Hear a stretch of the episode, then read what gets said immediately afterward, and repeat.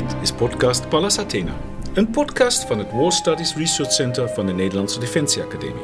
Ik ben Jörg Nol en samen met collega Trineke Paun spreek ik met onderzoekers over hun recente publicaties en belangrijkste onderzoeksresultaten op het gebied van oorlog, conflict, samenwerking en vrede.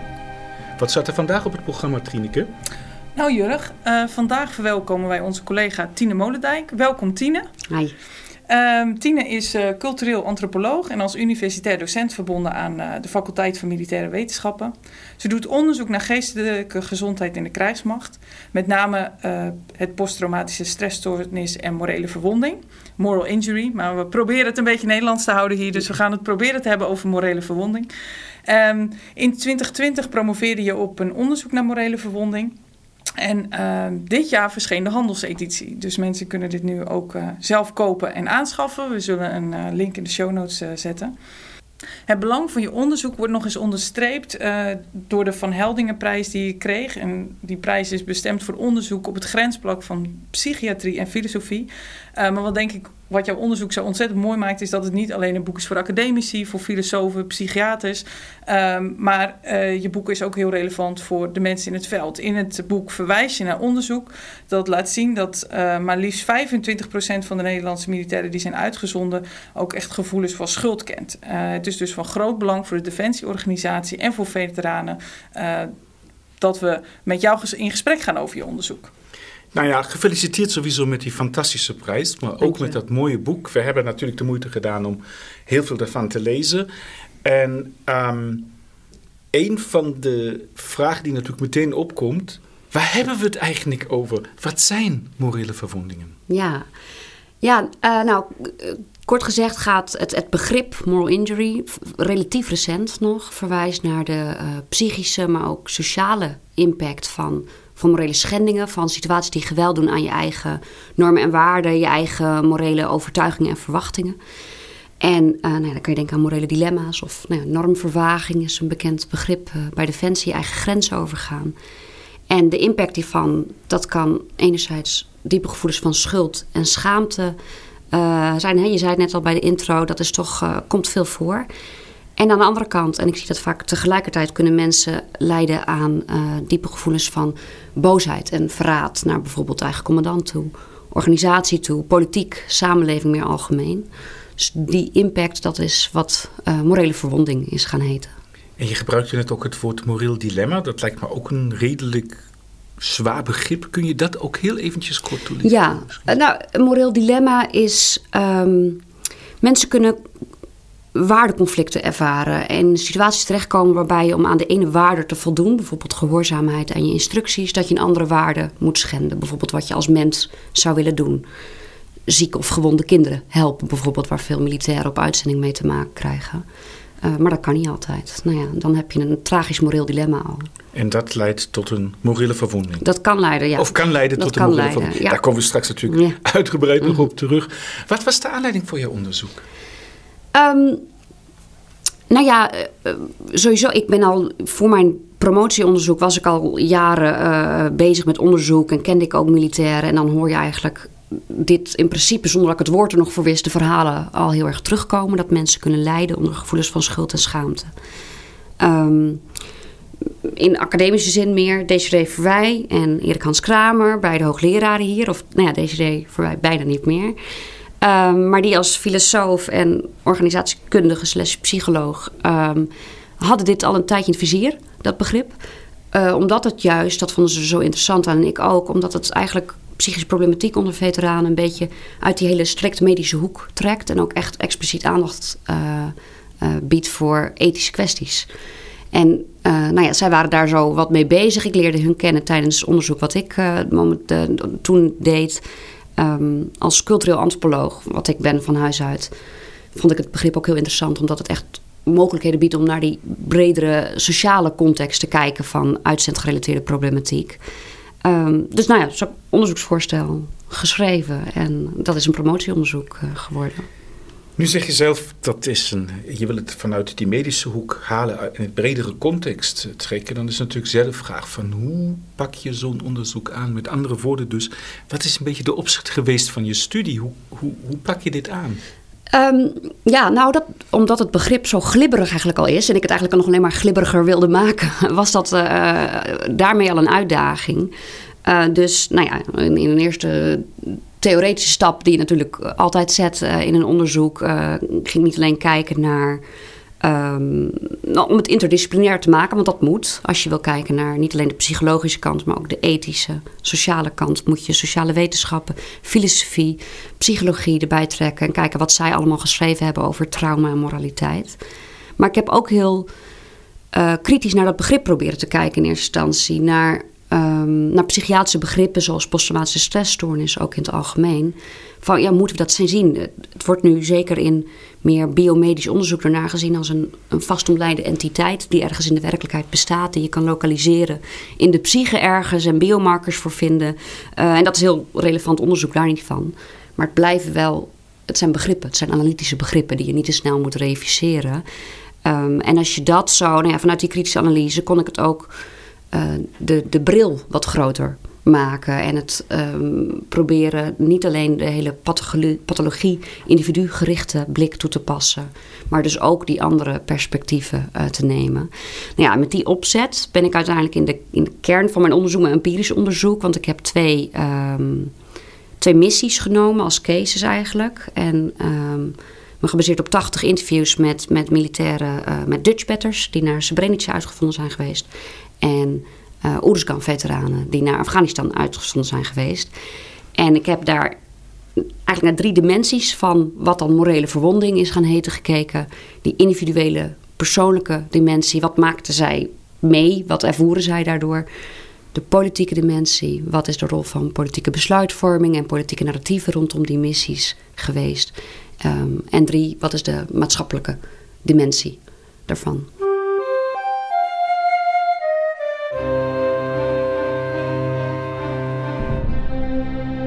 Nou, over die cases uh, gaan we het straks nog uitgebreid hebben. Want ik denk dat onze luisteraars uh, ook daar met name in geïnteresseerd zijn. Uh, van wat heb je nou inderdaad gehoord van militairen en het grotere politieke debat. Maar toch, hè, dit is een podcast waarin we de, de concepten niet schuwen. En je zei al, dat concept van morele verwonding, dat, dat vroeg in mijn onderzoek toch ook wat uh, diepere doordenking. dus we gaan eerst toch even de theorie induiken. En uh, in je onderzoek benadruk je van ja, uh, hè, we, we, focussen heel erg op verwonding. En wat je net ook al zei, PTSS wordt ook vaak hè, als, als inderdaad iets heel objectiefs of als een ja, medisch geduid eigenlijk. Maar je zegt dat morele, dat moeten we niet, niet onderschatten en meer benadrukken. Kun je daar iets over zeggen? Ja, ja. Um nou ja, inderdaad, als we zeker inderdaad de concepten niet, uh, niet schuwen. Uh, PT6 is als concept in 1980, eigenlijk ook nog vrij kort geleden, maar na de Vietnamoorlog uh, geïntroduceerd. En daarin was oorspronkelijk juist heel veel aandacht voor die schuldgevoelens waar veel Vietnam-veteranen ook onder lijden. Alleen dat is er eigenlijk langzaam in de verdere ontwikkeling van het begrip heel erg uit gegaan. Uh, en het is heel erg een begrip geworden dat gefocust is op situaties van levensdreiging en daarmee ook op angstgerelateerde klachten. En steeds meer veteranen, behandelaars, onderzoekers, die merkten ja, dat, dat dekt gewoon niet altijd de lading voor mensen die we zien. En dat is iets wat ik zelf uh, ook herken. Um, en daarom is nou ja, een nieuw begrip. Je kan je ook afvragen of je dat moet willen, weer een nieuw begrip erbij. Maar dat is een, een andere discussie nog. Maar daarom is het begrip morele verwonding in ieder geval um, nou ja, in de jaren 90, maar pas echt in 2009 geïntroduceerd. Um, om dus weer wel expliciet die aandacht terug te dwingen naar die morele uh, kanten. Door het feit dat mensen niet alleen kunnen lijden onder situaties van levensdreiging, maar ook morele dilemma's, um, hun eigen morele grens overgaan, gewetensconflicten meer algemeen. En dus ook niet alleen op angstgerelateerde uh, klachten, maar morele emoties. Schuld, schaamte, uh, boosheid. Um, dus dat is ook meteen een beetje het verschil tussen PT6 en moral injury. Hoewel ik het nou heel zwart-wit schets. Uh, want wat ik zei, het, het, zijn begrippen. Het zijn niet dingen, dus ze overlappen en, en ze zijn uh, glibberig. Um, maar ja, zoals ik het wel eens uitleg, is bij PT6 gaat het echt over dat gevoel van veiligheid geweld is aangedaan. Bij morele verwonding gaat het om dat gevoel van een rechtvaardige wereld geweld is aangedaan. En een rechtvaardige zelf ook. Mensen, hun hele zelfbeeld kan compleet versplinterd zijn geraakt. Ja, waar ik ook nog een beetje op aanhaak, eh, want dat, dat uh, stipt hij ook al eerder in het gesprek aan. Het gaat niet alleen om gevoelens van angst, maar ook boosheid, schuld. Uh, dat zijn hele diverse emo emoties. Um, in de literatuur over emoties wordt ook al gezegd, hè, verschillende emoties leiden ook verschillend tot actieperspectieven, actiehandelingen. In hoeverre uh, ja, valt alles onder morele verwonding of, of maak je daar ook nog een onderscheid in? Van, um, hè, bij bij uh, boosheid wordt wel gezegd van uh, dan zul je eerder uh, nou ja, een soort fight-modus krijgen en bij angst is dat soms weer anders. Dus hoe. ja. Um nou ja, je, je ziet dus dat die symptomen in die zin verschillen. Ik, ik heb zelf, omdat ik nog echt nou in een eerste stap überhaupt een beetje die sociale context van morele verwonding wilde begrijpen, heb ik me. Uh, heb ik me de luxe gegeven om het daarin vaag te houden. Maar je ziet wel inderdaad bij angst, wat dan nou ja, mensen leven, en dat is ook bekend hoe PTSS wordt uitgelegd, in een, uh, die blijven in, in die alertheidstaat, die blijven in die dreigingstaat. Dus dat is inderdaad vechten, dat is paniekaanvallen, dat is uh, agressiebuien enzovoorts. Uh, bij schuld en schaamte zie je dat mensen uh, vaak onbewust, bijna altijd onbewust, dat ze, um, ze willen zichzelf dingen niet gunnen. Ik haatte mezelf voor wat ik daar gedaan had, voor waar ik aan meegewerkt had. Uh, ik moest daar straf voor hebben. Dus een verhaal ook van iemand die zich ontzettend schuldig voelde omdat hij bij een friendly fire incident in Afghanistan betrokken was geweest. Um, hij de schutter was die toen hij een motorongeluk kreeg dacht dit heb ik verdiend. Dit is de straf van het universum voor mij. Dus toch een soort zelfstraffend iets zoeken om het onrecht weer recht te, te zetten. En dat onrecht weer recht willen zetten zie je ook bij gevoelens van boosheid en verraad, maar dan de andere kant op. Dan zie je dat veteranen bijvoorbeeld. Er is een ontzettend veel Srebrenica-veteranen hebben rechtszaak tegen de staat ingediend. Om weer te proberen te zoeken naar toch een soort boetedoening van de staat en erkenning uh, te zoeken. Dus um, Daarmee heb ik nog niet scherp online, maar dat soort verschillende uh, actie, actieperspectieven, hoe noemde je het? Ja, zoiets. Ja. En ook, ook uh, het onderstreept, denk ik, uh, nog maar weer eens het belang van dat hoe belangrijk het ook is om een PTSS in de medische boeken te hebben. Dat het juist ook omdat het zich dus op heel veel verschillende manieren kan uiten. En dat dat veel breder is dan de symptomen die bij PTSS worden genoemd. Ja. Nou ja, en nou ja, en wat, wat je natuurlijk net ook aansprak, dat um, zij dan ook die klachten indiende tegen de staat. Dat past natuurlijk ook ontzettend goed in jouw onderzoek, omdat jij het graag breder wilde trekken. Want jij kijkt dus ook naar de sociale en politieke context. Maar is dit het enige belang? Dus alleen maar deze schuld, dat ze proberen die schuld te verhalen of op andere mensen? Of zijn er ook nog andere redenen waarom je dat brede, die brede context hebt gekozen?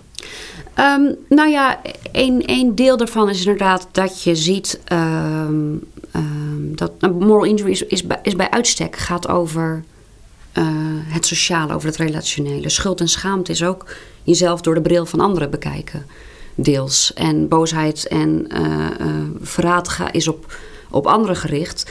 Uh, dus het is daarvoor belangrijk dat je voorbij het intra-individuele kijkt, maar ook voorbij het, pathologische.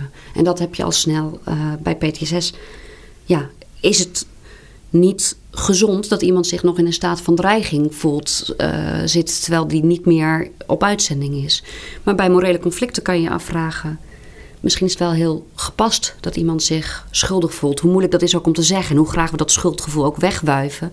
Je kan het in plaats van pathologie ook zien als een, een tragisch deel van het leven van sommige veteranen. Dus ook daarvoor is het belangrijk, denk ik, om het uh, in ieder geval niet te snel in het medische domein te plaatsen. Als dat een antwoord is op je vraag. Nou, misschien ook een beetje uh, uh, het punt dat je dit als antropoloog onderzoekt. Ja. Uh, maakt je ook onderscheidend van een psycholoog, psychiaters. dus wat is daarin, denk je, ook in jouw benadering ja, van toegevoegde waarde met die antropologische bril? Wat zie je als je anders niet ziet. Ja, nou dat, dat, dat zit wel een beetje hierin dat je wel echt voorbij dat individu kijkt en voorbij uh, het uh, pathologische, uh, of in ieder geval niet, niet, niet direct pathologiseert. En dan uh, zeker als antropoloog ook wat, wat specifieker. ja, oorlogstrauma, posttraumatische stressstoornis betekent dus dat het een stoornis is, iets tussen de oren.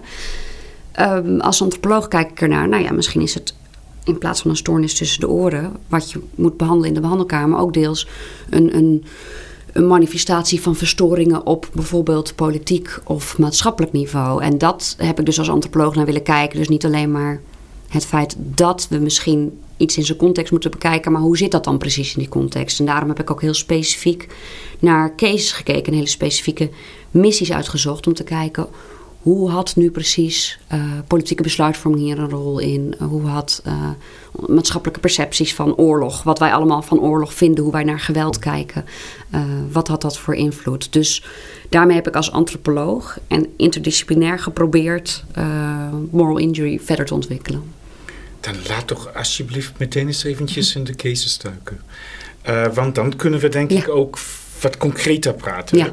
Allereerst, je hebt dus al verteld, je hebt Srebrenica genomen. Uh, 1995, tot uh, ja. 11 juli. Rond 11 juli is nog altijd een heel belang, belangrijk datum voor veel mensen, omdat dan de overblijfselen eigenlijk van de overledenen worden begraven als ze dan weer herenigd worden. En Uruzgan. En terwijl we dit opnemen, zitten we niet alleen vlak nadat de coalitietroepen zijn vertrokken uit Afghanistan, maar we zitten precies ook in de week van 20 jaar 9-11. Dat is natuurlijk ook nog heel bijzonder. In hoeverre zijn deze beide cases eigenlijk vergelijkbaar?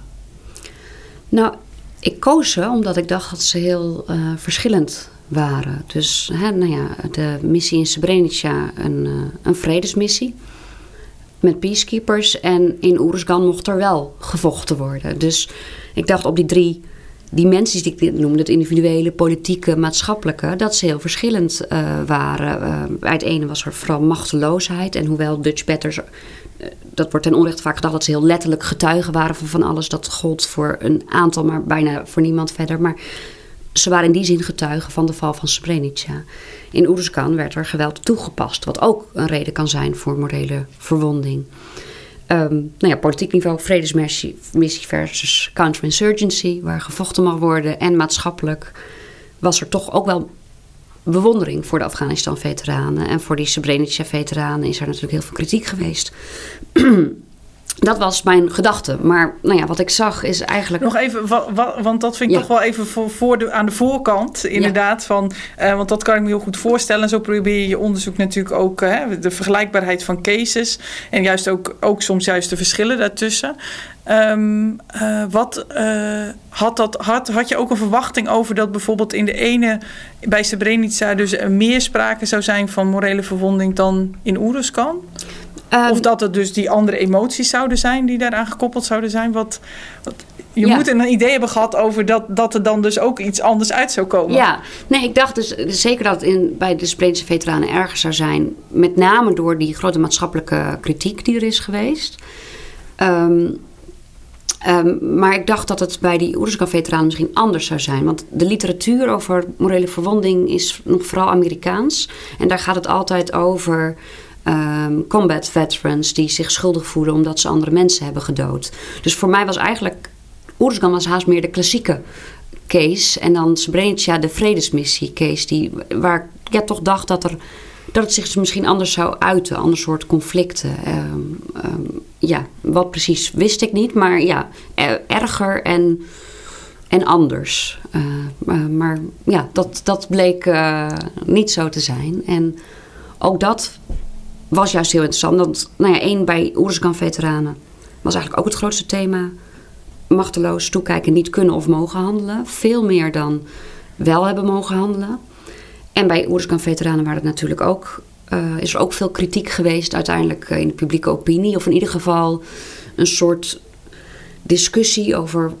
was dit nou een wederopbouwmissie of een gevechtsmissie? Uh, het moet vooral niet gevochten worden, het moet wederopbouw zijn... die in ieder geval ook heel vervreemdend werd ervaren. Um, maar wat, wat vooral opviel, en daar heb ik me ook vooral op gericht uiteindelijk in mijn onderzoek, is dat er meer op een dieper niveau eigenlijk hele belangrijke overeenkomsten waren. Um, en misschien de belangrijkste waren wel dat er bij allebei hele, op verschillende manieren, maar hele problematische politieke compromissen eigenlijk bestonden. En dan bedoel niet per se problematisch dat het um, bij politiek leiderschap allemaal fout is gegaan, want ook daar bestaan dilemma's natuurlijk.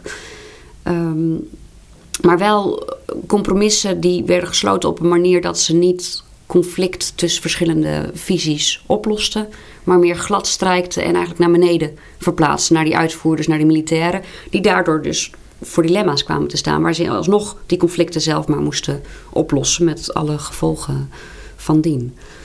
En in, uh, zie je misschien wel iets van een. Ehm, Hè, want er zit wel, de, de missie is Srebrenica is veel eerder. Er zit misschien een soort leereffect uh, nog in. Hè. Je geeft aan, gezondheidszorg heeft zich wel ontwikkeld in die tijd. In hoeverre heb je daar nog iets in je onderzoek? Ja, de gezondheidszorg heeft zich zeker ontwikkeld. Dat is, en dat gebeurt nog steeds. En daarin is uh, echt heel veel verbetering geweest. Dus aan de achterkant uh, is daar verbetering. Nog steeds is dat soms een doolhof en valt daar heel veel in te winnen. Uh, maar wat lessons learned betreft, uh, aan de voorkant ben ik uh, wat pessimistischer. en ja, zou ik eigenlijk zeggen. Nou, kijk, in Srebrenica hadden ze, is er een, een, safe area ingesteld. Dat was nieuw en dat klinkt stevig. Maar mensen werden daar wel ingestuurd als peacekeepers met de middelen van peacekeepers in een oorlog. Dus geen peace to keep eigenlijk. En dat had alles te maken met dat er in de verschillende lidstaten ook van de VN, sommigen die zeggen we moeten naar Srebrenica we moeten daar iets doen. Uh, of naar Bosnië in ieder geval. En anderen zeggen we willen niet verzeild raken in een, uh, in een uh, tot mislukken gedoemde missie. En het resultaat is dat je hele, een opzettelijk ambigu mandaat krijgt. Met een safe area waar eigenlijk, dat eigenlijk nooit verdedigd kan worden als dat nodig zou zijn. Nou ja, met dus de hele duidelijke casus van de val van Srebrenica, wat één groot tragisch dilemma was. En in uh, Oeruzgan waren er wel degelijk mogelijkheden om uh, iets te doen. Maar omdat die politieke en maatschappelijke bezwaren tegen vechten in Nederland zo, zo groot waren, um, uh, zag je eigenlijk dat commandanten in Afghanistan op elk niveau gedwongen werden tot politiek bedrijven. En eigenlijk heel erg risicomijdend soms te werk gingen. Waardoor ook militairen daar soms in gevechtssituaties kwamen, maar geen toestemming echt kregen om te vechten. Wij praten in deze podcast, uh, in dit seizoen praten we ook met onze twee collega's Ivo Wiltenburg en Lisanne Leeuwenburg over juist Shura. Dat was uh, binnen het militair blijkt, werd het als een groot succes gezien. Maar het publieke debat heeft het ook heel veel losgemaakt. Heb je toevallig ook, of misschien ook met uh, mensen gesproken, militairen gesproken die in Shura bezig waren? Ja, uh, die heb ik gesproken. Ja, het is, het is officieel, hè, beslaat het een paar dagen, maar daar zat natuurlijk van alles voor en er, er, daarna nog. Uh, uh, ja, nou, die heb, die heb ik gesproken. En um, nou, dit is dan niet helemaal. als ik een voorbeeld mag geven. Alsjeblieft. Ja. um, dit, dit is iets voor Chora. En ik denk dat ik dat ook misschien expres doe om het niet nog ingewikkelder te maken, ook voor deze persoon. Maar. Um, dat is wel precies een voorbeeld van wat ik, van ik net vertel. Dat die dus onopgeloste compromissen tot uh, problemen kunnen leiden. Uh, die was deel van een mortierpeloton. Uh, dus een hele heftige periode in Oeruzgan uitgezonden geweest. Uh, mortierpeloton is zwaarder geschud. Nou ja, dat weten we rondom Shora. Dat is het grote probleem geweest. Waar veel kritiek op is geweest. Het zwaarder geschud inzetten. Um, hij werd heel vaak, werden zij om vuursteun gevraagd, omdat er zulke heftige gevechten waren. Um, alleen omdat uh, er dus zo uh, um, uh, angst was voor politieke repercussies in Nederland. Als zij toestemming vroegen, dat is normaal dat je toestemming vraagt om vuursteun te verlenen, maar dat ging helemaal door tot in Den Haag. Letterlijk. Wat in andere missies niet zo geweest zou zijn en bij andere landen die in Afghanistan waren ook helemaal niet zo hoog hoefde. Maar omdat men zo voorzichtig was, ging dat helemaal naar boven. Nou, dat duurt lang. Militair gezien proberen we ook altijd eh, te polderen. En dat heeft als gevolg dat een hoop militairen, en dan denk ik vooral aan commandanten, uh, op hun niveau al snel gedwongen worden om politiek te gaan bedrijven in plaats van hun vak uit te oefenen. Nu zie je dat bijna per opdracht uh, toestemming moet komen van Den Haag. waar de zogenaamde armleuning-krijgers overal een mening over hebben. Dan zijn je collega's in levensgevaar. En je zit te wachten tot toestemming om vuursteun te verlenen. En één keer, uh, toen was het uh, zo heftig. Um, toen hebben ze tegen elkaar gezegd: we gaan, anders dan gaan we maar voor die groene tafel staan. We gaan nu we gaan nu vuursteun verlenen, we gaan nu het doen. Ehm, dus zonder nog toestemming te hebben, zijn ze vuursteun gaan verlenen. Dat is uiteindelijk later wel goed gekomen. Maar uh, ja, dat is wel een keuze die je moet maken. En uiteindelijk zijn ze alsnog um, één Nederlandse militair is daar gesneuveld. Ik, ik noem toch voor de zekerheid daar de naam niet van.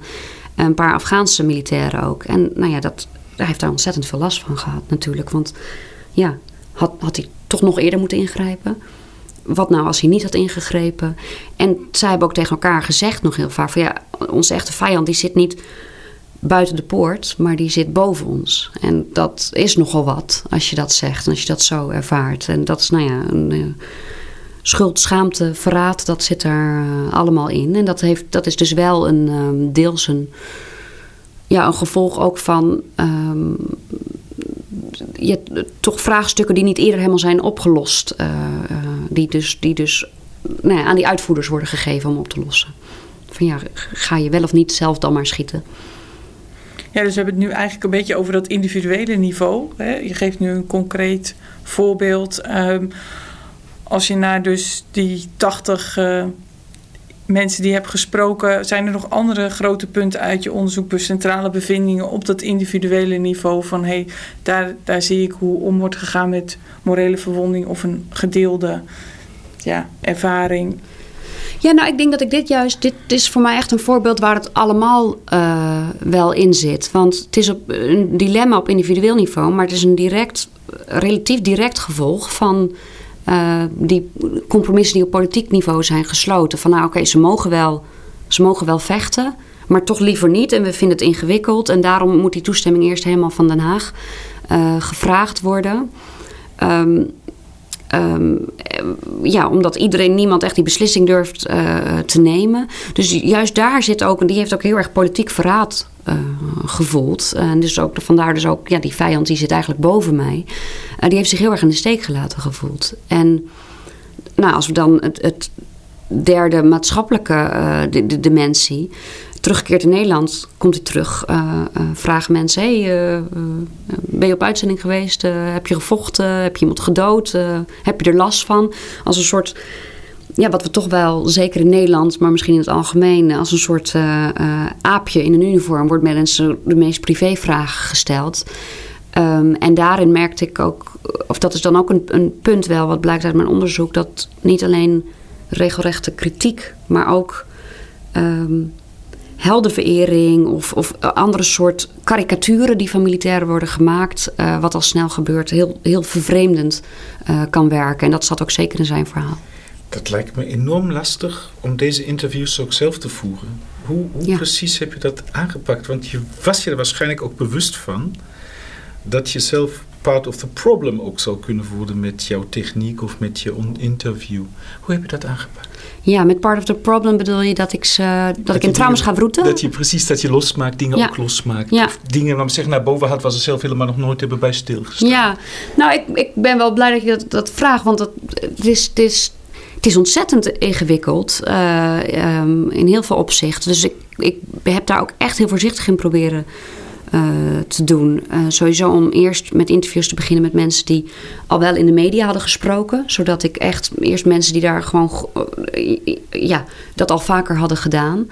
En zo langzamerhand ja, steeds meer mensen. Ik heb met een soort multiple snowballing gewerkt. snowballing, omdat je toch je moet wel vertrouwen hebben van mensen. Dus dat kan je beter via via doen. En dan met multiple chains, dat ik ja, verschillende, verschillende netwerken en startpunten heb gewerkt. Maar altijd ja, lang, duidelijk voorgesprek. Dat ik ook geen therapeut ben, duidelijk maken. Dat uh, natuurlijk uh, antwoorden niet hoeven gegeven worden. Dat een voorwaarde was dat ze op zijn minst één ander iemand al hun verhaal hadden verteld. Uh, en ik niet de eerste zou zijn. Um, dus uh, ja, dat soort voorzorgmaatregelen. En ja, bijna altijd um, barsten er wel eens emoties los. Het waren drie uur interviews ook. Uh, dus dat, uh, dan, ja, dan zag je de, de nekspieren vaak zo helemaal verstijven. Dan ging ik rustig naar een ander onderwerp. Um, ja, dus, dus veel ermee gedaan. En ik merkte ook tegelijkertijd Um, ik wilde ze ook juist niet, dat merk ik ook niet, ook niet als zielige patiënten, zeg maar. Je hoeft niet mensen eindeloos tegen zichzelf te beschermen. Dus er zat ook wel een gelijkwaardigheid uh, in. En ze kon het zelf ook wel goed in de gaten houden. Wat heeft het met jou gedaan? Wat heeft het met jou gedaan? Nou, uh, zeker. Um, dat is toch ook gek. Dat uh, kwantiteit maakt toch ook een zekere gewenning. Dat is ook interessant om bij jezelf te merken. Maar in het begin ja heel, heel heftig. Um, um, iemand vertelt toch even je levensverhaal, zijn diepste trauma's. en dan ga je transcriberen en dan doe je er wat mee voor je onderzoek. Dus ik had ook vragen voor mezelf los van het emotionele, waardoor ik wel altijd blij was dat ik nog weer twee uur in de trein vaak terug moest, want ik, ik interviewde mensen vaak thuis. Maar ja, ook voor mijn onderzoek, want wat als mensen zo'n diep over diepe pijn vertellen, dan ga je ook vragen van ja, wie ben ik überhaupt om hierover te schrijven? Um, tegelijkertijd, uh, ja, ik kan hier ook niet uh, hun percepties maar overnemen. En kritiekloos uh, dat, dat neerzetten. Dus het is ook voor niemands, in niemands voordeel als ik niet kritisch ernaar kijk. Dus, dus ook daarin was het heel erg ingewikkeld. En dat heb ik met. Dat zijn oorspronkelijk psychoanalytische begrippen. overdracht en tegenoverdracht heb ik dat begrepen. En dan overdracht is um, um, alles uh, alle gevoelens en reacties bij hun. Dus dat ze bijvoorbeeld ook mij het verhaal vertellen en zoeken naar erkenning van mij. Dat ze het verhaal willen delen. Dat ze biechten misschien. En tegenoverdracht is mijn reacties er allemaal weer op. Dus daar emotioneel van zijn. daar recht aan willen doen, maar hun als mensen behandelen, maar toch ook kritisch durven zijn. dus door daar heel reflectiek ook op te zijn, want objectiviteit bestaat wat mij betreft sowieso niet een kwalitatief onderzoek. Zeker hier niet. Ja, kon ik daarmee dealen. Maar ja, heftig is het. Ja, en uh, ja, je zegt net uh, ook van... Hey, aan de ene kant uh, moet je voor zo'n onderzoek om vertrouwen te hebben... Hè, moet je echt ook willen luisteren naar het verhaal van de ander... dat serieus nemen.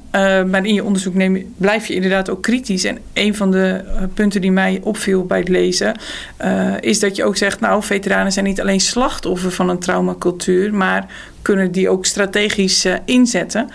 En dat is best wel een stevige conclusie. Ik kan me voorstellen dat uh, dat misschien ook wel tot reacties heeft geleid van mensen die dat misschien niet meteen begrepen wat je daarmee bedoelde of die conclusie niet helemaal meemaakten. Dus kun je dat toelichten? Ja, nee, nou, ik, ik bedoel hem eigenlijk ook precies uh, in dit geval andersom, zou ik zeggen. Dat. Um, ja, uh, het is het idee in het, in het Westen uh, steeds meer als een soort traumacultuur ontstaan. Ook een claimcultuur. Dat waar vroeger mensen, de Tweede Wereldoorlog slachtoffers, de pijn in zich droegen en verdroegen en daar niet over spraken. Is, nu zijn mensen steeds mondiger geworden. Um, vinden mensen vrij snel al dat ze een trauma. Het woord trauma valt overal. Um, en vinden ze dat ze dan recht hebben op financiële uh, compensatie. Dat is het, het, idee van wat traumacultuur en, en claimcultuur uh, betekent. En dat zou je dan dus ook uh, kunnen toepassen. lijkt het in eerste instantie misschien op wat veteranen doen. Bijvoorbeeld die Srebrenica-veteranen die massaal een claim tegen de staat hebben ingediend. Um, maar wat ik zag, was juist dat het echt wel complexer lag. Dat ze juist eigenlijk helemaal die PTSS-diagnose niet wilden in eerste instantie. Geen trauma. Dat ze juist eigenlijk die stoïcijnse mensen waren, net als de Tweede Wereldoorlog die, die, die, dat, uh, die niet die kwetsbaarheid wilden tonen. Niet dat label wilden accepteren. Um, maar um, ze, ze moesten eigenlijk wel. Omdat dus met dit traumaframe eigenlijk psychisch lijden onder veteranen zo is gedepolitiseerd dat het een, een individuele stoornis is geworden. Waar je eigenlijk dus helemaal geen ruimte meer hebt om de staat ook aansprakelijk te stellen. Dus het enige wapen wat ze dan nog hadden was een rechtszaak indienen tegen de staat. Um, en dat konden ze alleen maar doen, want je kan alleen maar een rechtszaak indienen tegen de staat. Je maakt alleen maar kans als je ook een PTSS-diagnose hebt, omdat dat een werkgerelateerde aandoening is. Dus ze moesten eigenlijk wel um, strategisch inzetten, uh, hun medische diagnose, om eigenlijk hun klachten weer te herpolitiseren. Uh, dus dat is een beetje wat ik, uh, uh, wat ik daarmee bedoel. De, ja, dus niet per se als, als kritiek dat ze het strategisch neerzetten, maar het is het enige, wat, het enige wapen wat ze nog hadden om het weer te herpolitiseren. Um, en natuurlijk zal je daar mensen bij hebben die dat op een andere manier gezegd strategisch doen. Dat, dat kan ook. Maar dus dat, uh, dat PTSS, dat je dat nodig hebt om uiteindelijk uh, politiek gehoord te worden. Uh, in hoeverre hoop je, of is een van de doelen van jouw onderzoek, is ook dat, dat je dat misschien op een bredere basis, met jouw morele verbonding, laat je natuurlijk zien. Het is niet puur iets individueels, dat misschien die basis daarvoor ook verbreed kan worden. Als een legitieme basis waarop je, nou ja, de, de staat kunt aanspreken ja. op haar verantwoordelijkheid. Nou, ik, ik zou het sowieso. Um, denk ik dat het belangrijk is, is omdat dat gewoon uh, accuraat is. Dat we ook meenemen dat niet alleen maar die gebeurtenis in een oorlogssituatie en die individu met zijn eigen verleden factoren zijn in de trauma's die mensen ontwikkelen. Maar ook politieke besluitvorming en hoe wij als samenleving met uh, uh, militairen omgaan. Um, of ze nou meer aansprakelijk gesteld worden, dat zijn, dat zijn dingen waar ik niet uitkom en ook niet helemaal weet of dat binnen mijn, mijn, uh, mijn domein uh, ligt. Uh, daar moeten we nog eens een jurist voor uitnodigen. Daar moeten we nog eens een jurist, ja. Of, of dat is misschien meer voor het activistische of zo. Daar, daar stopt mijn. Ja, ja. ja, Maar ik denk dat dat goed is. Um, maar tegelijkertijd is dan, als het al mogelijk zou zijn, moet, zou morele verwonding zou ook een officiële diagnose moeten worden, wat dat niet is. Maar dan mee wordt het weer iets medisch. Dus dat is een heel uh, gek dilemma. Dus eigenlijk de enige manier waarop je politiek erbij kan trekken... is door morele verwonding te medicaliseren. Ja, dat is... Uh... Terwijl je dat eigenlijk precies niet wil doen. Nee, uh, dat is ja. paradoxaal. Ja. Jurg? Oh, ja, nou ja, wacht even. Um, nou ja, de, de, de grote vraag is dan natuurlijk... wat kunnen we hiermee? Wat kunnen we nu hier met jouw onderzoek ook voor de toekomst? Wat, uh, wat is de belangrijkste les eigenlijk voor Defensie? En uh, we zitten hier natuurlijk op het alweer prachtige kasteel van Breda. Um, wat kunnen we aan onze officieren ook meegeven in hun opleiding bijvoorbeeld? Um, nou, aan officier opleiding is sowieso denk ik het belangrijk te weten dat er meer is dan uh, stress en trauma dat je krijgt door uh, een tik, uh, vuurcontact of door te klappen op een, een maar dat morele dilemma's ook gewoon problemen op kunnen leveren. En dat is toch met alle taboe dat er al is op last ergens van hebben, is dat ook nog zeker niet bekend. En vorig jaar ook toevallig met uh, uh, twee kapiteins uh, hier van de KMA hebben we voor landmachtofficieren in Spee hebben we, um, of zij, ik heb een beetje geholpen, een, een dilemma-training waarbij ze in de koepelgevangenis in Breda tot voor allerlei dilemma's kwamen te staan. En dat gingen we naderhand bespreken, waarbij dan ook morele verwonding en het feit dat dit soort dilemma's kunnen leiden tot morele verwonding hebben besproken. En ik denk dat, dat zoiets al heel erg belangrijk is. En wat betekent dit voor de politiek? Ja, nou ja, dat is denk ik zeker. Want met zo'n ethiektraining zit je nog steeds op uh, individueel niveau. Dus voor de politiek. Um, nou ja, Mirjam Grandia is hier eerder te gast geweest. En uh, onder meer zij en meer mensen hebben het gehad over hoe in de Oeruzgan-missie uh, de discussie al meteen ging over met hoeveel mensen gaan we heen en hoe lang blijven we daar. Zonder dat ooit de vraag gesteld was wat willen we daar überhaupt bereiken? Willen we daar wel heen? En als je die vraag niet eerst stelt, is die, zijn die andere vragen helemaal niet betekenisvol. En zorg je dus voor dilemma's. En we hebben al een prachtig toetsingskader, waar eigenlijk een soort just war criteria, hè, een traditie van de rechtvaardige oorlog, waar al lang nagedacht is over de ethiek van oorlog. Er is een toetsingskader wat de regering hiervoor moet gebruiken. En ik zou zeggen, gebruik die niet als checklist achteraf, wat nog veel gebruikt, maar neem die echt serieus mee in de besluitvorming. Dat is helemaal niet zo'n uh, spannende boodschap, maar uh, wel belangrijk. Want, uh, want eigenlijk dat, is, dat, dat komt nu naar boven. Als je zegt van die morele verwonding, hè, daar focus je specifiek op de militairen, op infanteristen in het bijzonder. Maar als je het nu over die besluitvorming hebt, waar nu, nu ook steeds meer kritiek, in ieder geval met betrekking tot Oeruzkan, naar boven komt. In hoeverre zijn het alleen militairen die last kunnen krijgen van morele verwonding?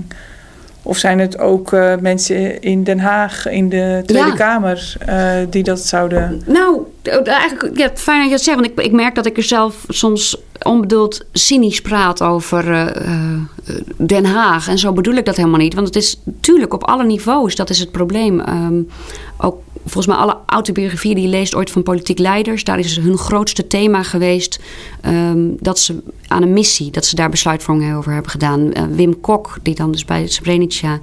die hebben tot, tot met, in tranen gezien over wat het met hem heeft gedaan. Dus ook voor hun geldt uh, damned if you do, damned if you don't in het geval van Srebrenica. En dat zijn ook ontzettende dilemma's. Dus, dus zeker. Eh, ik denk niet, het verschil is wel... die grote trauma's die je bij de uitvoerders ziet... die zie je niet bij, uh, per se bij de politici. Maar ook daar is het relevant. En buiten de krijgsmacht het algemeen. Ziekenhuispersoneel bijvoorbeeld, ja. En misschien zou een dilemma-training... Uh, in Den Haag ja. ook nog wel eens een idee zijn. Nou, daar zeg je wat, zeker. Goed, um, een vervolgproject is ook alweer in de maak. Ja. Uh, of eigenlijk in de maak, in de uitvoering. Je bent ja. uh, projectleider en hoofdonderzoeker van een project dat ook focust op interventies. Als ik dat goed heb begrepen. Kun je iets meer vertellen over waar we jou de komende jaren qua onderzoek over uh, gaan horen? Ja, nou ja, ik wou zeggen, ik, ik, bied ze ook graag meteen aan, de onderzoekers die we hebben voor een volgende podcast. Ik, we hebben nu een, een vijfjarig, vorig jaar begonnen NWO in het kader van de Nationale Wetenschapsagenda project. Twee PhD's, twee postdocs uh, zitten uh, erop. We hebben ook vier deelprojecten. En dat is inderdaad echt nou ja, wel een vervolg van, van mijn promotieonderzoek. Het is um, onder militairen, maar ook in samenwerking met de politieacademie onder politiemensen. Um, en daarin kijken we eigenlijk verder naar die context van morele verwonding. Kijken naar organisatorische dimensies. Daar zit de postdoc Teun Eikenaar op. Die kijkt naar, nou niet alleen infanteristen, doet hij ook, maar ook juist naar uh, uh, marechaussee-eenheden die hele andere soort werkzaamheden hebben, hele andere soort cultuur en ook structuur, hoe, hoe die arbeidsdeling is. En dat heeft ook allemaal, is de verwachting, lijkt wel op ja, invloed op uh, de dilemma's die ze tegenkomen, hoe ze die ervaren, of ze daar dus last van krijgen of niet. Uh, dus dat is een deelproject. Deelproject is de sociotechnische dimensie van morele verwonding.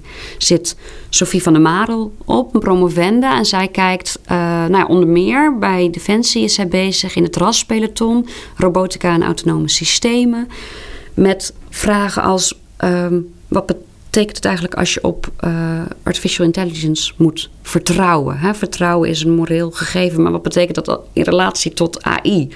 En wat doet het met je verantwoordelijkheidsgevoel als niet jijzelf of een collega, maar een robot fouten maakt. Dus, en moeten we dus ook denken aan drones? Nou ja, de inzet van drones of, of morele verwonding anders is als je zeker, van ja. afstand... Ja, nou ja, dat is dus dat is de aanleiding eigenlijk geweest. Dat er uh, aanwijzingen zijn dat uh, uh, vanuit de VS ook vooral dat drone operators helemaal niet het als videogame zien, maar juist veel intiemer dan een infanterieeenheid in Oeruzgan bijvoorbeeld, veel intiemer die opponent ziet. En dus eigenlijk heel erg het humaniseren van die vijand meemaakt en dus daar veel meer last van kan hebben. Dus dan zie je ook dat technologie uh, van alles doet met de morele ervaring. Dus nee, dus zeker is dat uh, de aanleiding uh, geweest. Um, Naomi Geelhuis die zit nog dan op een derde deelproject um, naar de maatschappelijk-politieke dimensies van morele verwonding. En dat is meer heel direct on gevolg wat ik heb gedaan. Die kijkt dan naar dus hoe veteranen eigenlijk zelf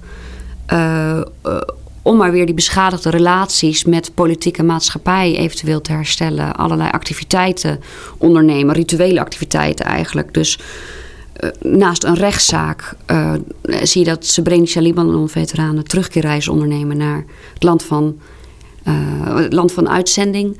Um, ook juist om met die bevolking solidariteit te tonen, boetedoening soms te doen theaterstukken ondernemen ze zelf. Uh, Srebrenische veteranen met lokale overlevenden. Dus dat zijn een soort rituele publieke activiteiten... die heel anders zijn dan een moral injury behandeling.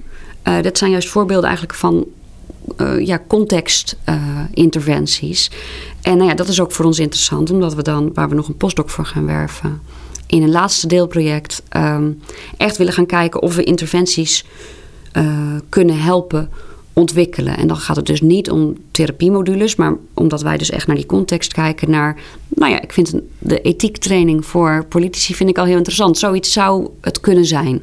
Uh, dus echt op contextniveau, waarbij we ook echt door middel van actieonderzoek wel willen kijken dat we niet zomaar eh, iets verzinnen, top-down, waar niemand wat mee kan en wat in de la verdwijnt. Uh, maar ja, echt, echt iets kunnen toevoegen. Maar daar kunnen mensen zich dus nog bij melden of bij jou melden. Ja. Als actieonderzoekers, ja, we gaan binnenkort werven voor een, een postdoc, een actieonderzoeker uh, op dat project. Dus ja, zeker. Zeker. We hebben nog namelijk helemaal niemand in gedachten. We zoeken echt iemand. Een ja. open, open procedure. Ja, heel goed. Precies. Heel goed. Dit was Pallas Athena, de krijgswetenschapspodcast van het War Studies Research Center van de Nederlandse Defensieacademie. Vandaag was bij ons te gast Tine Molendijk, een gedreven onderzoeker die, ja, ik zou zeggen, boeiend over haar onderzoek vertelt. Zeer gedreven ook vertelt daarover. En uh, Tine, heel erg bedankt hiervoor. En we wachten op het volgende moment dat we jou weer kunnen uitnodigen om over jouw volgende project en over je volgende onderzoeken te kunnen praten. Um, jouw onderzoek in elk geval heeft een enorm belangrijke bijdrage geleverd aan een zeer kwetsbaar en zeer belangrijk onderwerp voor heel veel van onze collega's die we in het verleden hebben opgeleid, die we nog gaan opleiden. En we hebben weer heel veel geleerd. Dank je wel. Dank je wel dat je mocht zijn.